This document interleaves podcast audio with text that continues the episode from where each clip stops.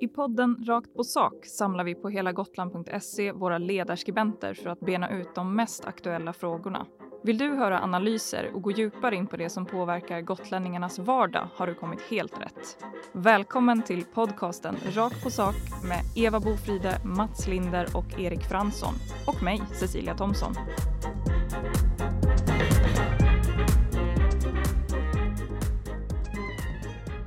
2023 är här och nu ska det sias om året. Välkomna säger jag till Mats Linder, Erik Fransson och Eva Bofride. Ja, vårt sista poddavsnitt förra året eh, slutade ju inte i, de, eh, i dur direkt. Men vad tror ni, kommer det bli ett ljust och glatt år? Uh, nej, det tror jag inte. Det, det sägs om väderleksprognoser att, att den, den säkraste väderleksprognos man kan göra är att det blir nog samma väder imorgon som det var idag. Och jag, lite grann ser jag väl så på 2023. Det blir nog ungefär samma 2023 som 2022. Så kommer det naturligtvis inte att bli, men mycket av det som vi haft problem med under 2022 kommer vi ha med oss även in i nästa år. Det blir ingen skön ny värld utan uh, vi får uh, försöka bygga vidare på den gamla. Tråkig inställning. Vad säger du, Erik? Nej, alltså jag, jag ser en ljusning framöver. Uh, men det är lite så man har sagt varje år de senaste tre åren.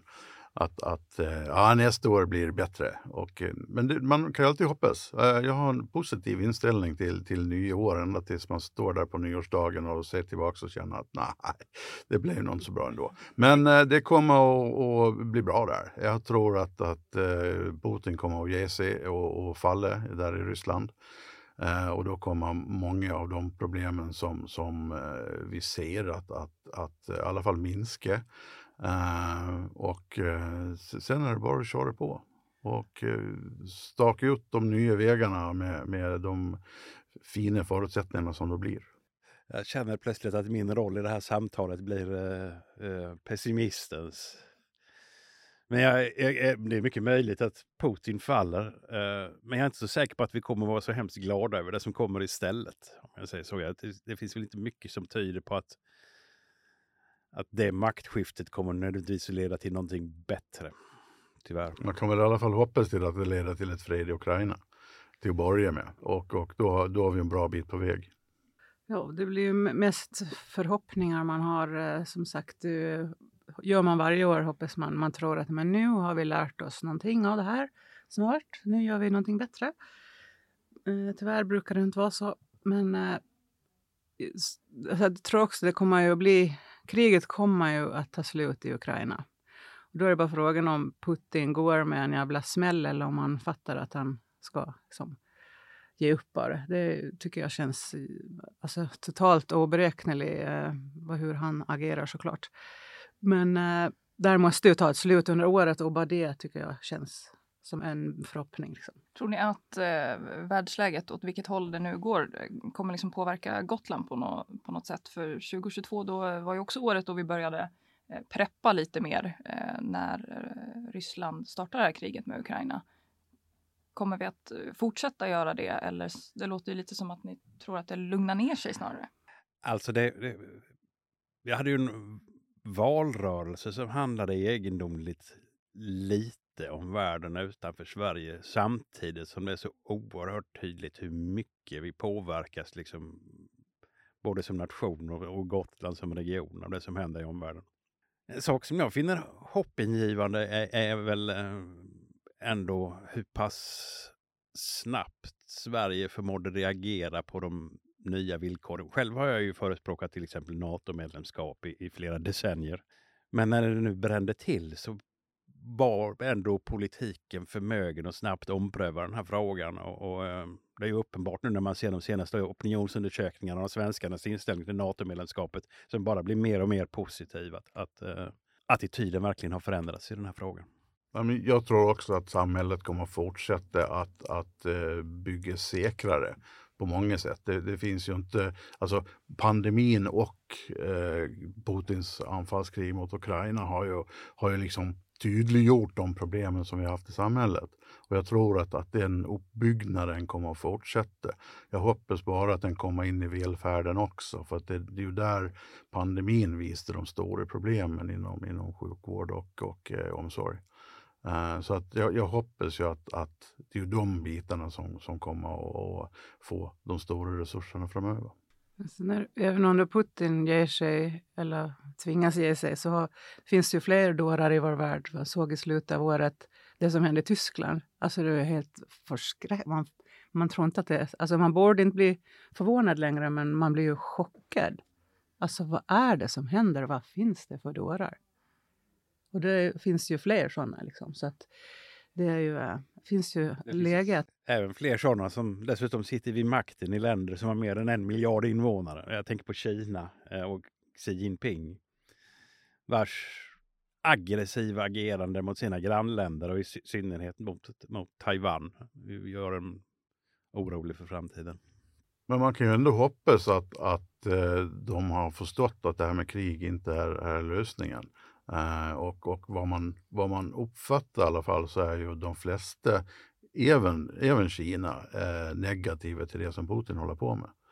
Uh, det, det, det, är väl, det är väl lite där som jag sätter min förhoppning till världen. Att, att man kan vara stor, stark och, och, och, dum, men man går inte över gränsen på det sättet. Att, jag tror tyvärr inte att, att uh, säga, despoter lär sig riktigt samma saker av, av uh, Rysslands krig mot Ukraina som, som vi gör.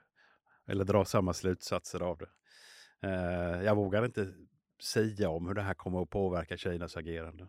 Det man kan hoppas också är väl att eh, alltså världssamfundet kan eh, påverka mer än vad man gör idag. För det låter ju... Alltså det verkar jättekonstigt att vi inte ska kunna göra någonting. Alla vi andra som sitter och ser på vad som händer i de här länderna och vi kan inte liksom... Man kan ju inte gå, ta över ett land, men det måste finnas någonting som, som man kan samlat göra för att hjälpa alla de här människorna som bor i de här länderna. Den här, den här väldigt eh, ingripande, vad ska man kalla det, utrikespolitiken som till exempel USA ägnat sig åt i Irak och i Afghanistan har ju visat sig vara en metod som inte fungerar speciellt väl kan man säga. Nej, det var inte det jag menade. Jag menade inte att man skulle uh, invadera länder. Absolut inte. Uh, jag, jag, tror vi såg en liten ljusning på, på det här uh, miljömötet som var i Egypten. Där man faktiskt till slut ändå kom fram till att, att länderna gemensamt ska, ska sätta pengar till den här fonden för, för de som drabbas av, av klimatförändringarna som, som sker, av den klimatkris vi lever i. Eh, och bara att man har, har satt till en fond där, där man ska fördela pengar eh, till, till de som drabbas ser jag som en, en, en litet, litet steg till att man ska, ska instifta fler sådana fonder och att man ska ta ett större ansvar för de som faktiskt lever i, i nöd i världen. Om vi riktar blicken mot Sverige då så har vi ju en relativt ny regering. Eh, och vad skulle ni säga att vad har vi märkt av för skillnader från jämfört med den förra och eh, vad mer tror ni kan komma att ändras i år? Jag har ju förhoppningar på den här eh, regeringen. Ehm, de är inte infriade än. Men jag hoppas att man under mandatperioden kommer att se en mer beslutsam politik vad det gäller exempelvis Ehm, kriminalpolitiken. Eh, och en helt annorlunda politik vad det gäller energipolitiken till exempel. Eh, det kommer ju ta många år innan det här ger fullt resultat, men jag hoppas att man åtminstone kommer göra tydligt att det är en annan agenda nu. Alltså Tidöavtalet var ju ingen munter läsning för en annan att läsa. Um, och att man genomför så pass stora delar av, av SDs politik och ändå lämnar dem utanför eh, ansvarsbiten. Eh, det, det, känns inte bra. Men här har man då istället eh, en, en liten förhoppning, om, om det nu kan vara en, en förhoppning, att, att de tre partierna, de tre regeringspartierna ändå på något sätt klarar av att bromsa det hela. Uh, om det sen leder till att SD lämnar samarbetet eller om det, det leder till att, att, att SD faktiskt ger med sig lite i vissa frågor, det får väl tiden utvisa. Men, men uh, jag ser inte lika just på framtiden som, som Mats Linder gör. Nej, det är ju svårt att se förbi SD, även om de inte sitter i regering så handlar ju det mesta om att det är deras eh, politik som eh, har fått gehör liksom fullt ut. De, var ju själv, de sitter själva då precis efter förhandlingarna och är så här förvånade att vi fick igenom allting. Liksom. Precis allting. Så att det här är ju, eh, det är ju jättesvårt att se förbi det. För bakom SD finns det ju klok, eh, klok politik. man säga. Det finns ju klok eh, borgerlig politik bakom alla, allt det här som man inte vill ha. Så det är ju frågan om, eh, om man kommer, vad som kommer att prägla det här året. Om det blir SD eller om det blir uh, Ulf Kristersson. I slutet av året gick ju SD ut igen och ville liksom stoppa de som inte tycker om SD. Men de skulle förbjuda Nobelstiftelsen och hyra Stadshuset och vad det var för trams. Liksom. Det där får ju inte vara det som präglar regeringen i Sveriges rike. Socialdemokraterna och eh, Moderaternas samarbete här på Gotland, då, vad tror ni att vi kommer eh, få vara med om gällande det under det här året? Jag vet inte. Eh, jag skulle vilja säga att den nya koalitionen är ännu så länge helt oprövad egentligen. Den budget som liksom har lagts var ju egentligen så att säga given.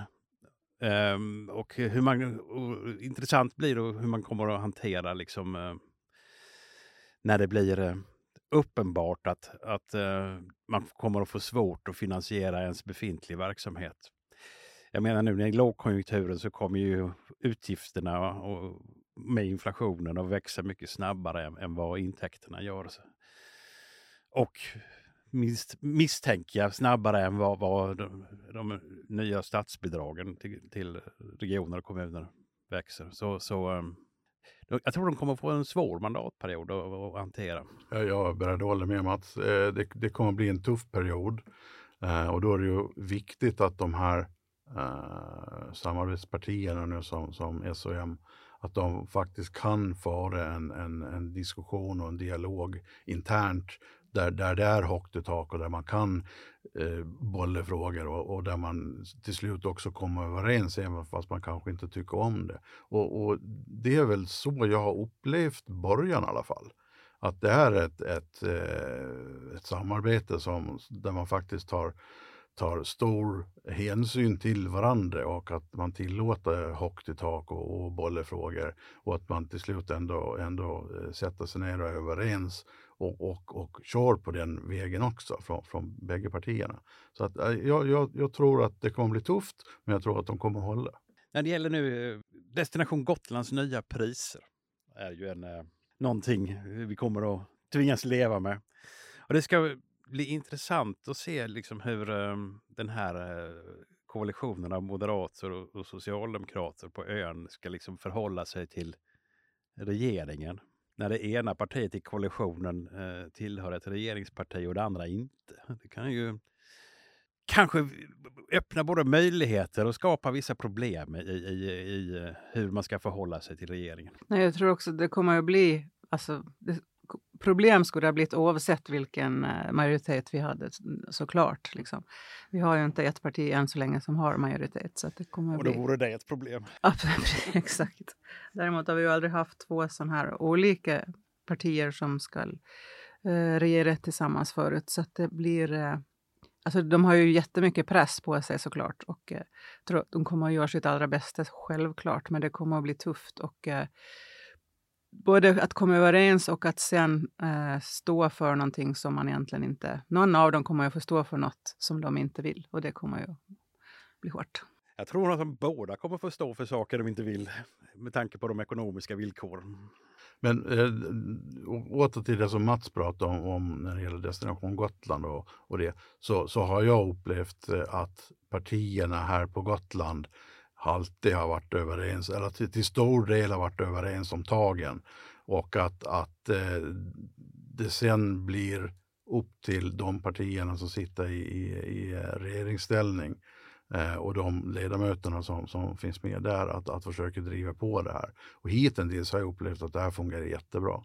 Oavsett, oavsett vem som har styrt så har det alltid funnits ett, ett driv på, från Gotlandspolitikerna att, att färjefrågan är jätteviktig. Men samtidigt har det också alltid funnits en vad ska man säga, en utväg eller vad man ska säga, i och med att det blir val och ofta blir det maktskifte. Så då kan man liksom kasta bort den här potatisen till nästa och sen eh, gå i opposition. Det kan man inte riktigt göra på samma sätt nu. Och jag eh, tycker att vi har ju aldrig haft ett bättre läge att påverka än nu när vi har så, på så många olika sätt liksom, eh, vägar in i makten.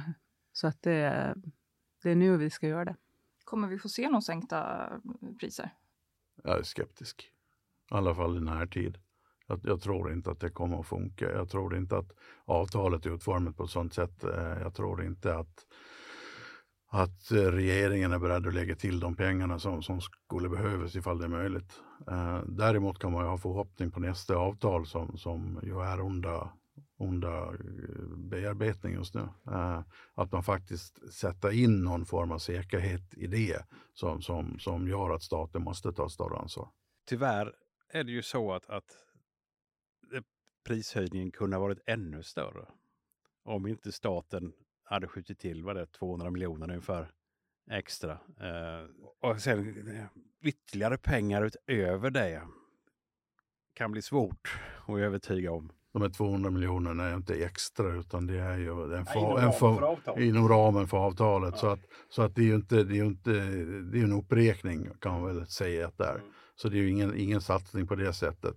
Det hade ju snarare blivit en, en neddragning om man inte hade skjutit till dem.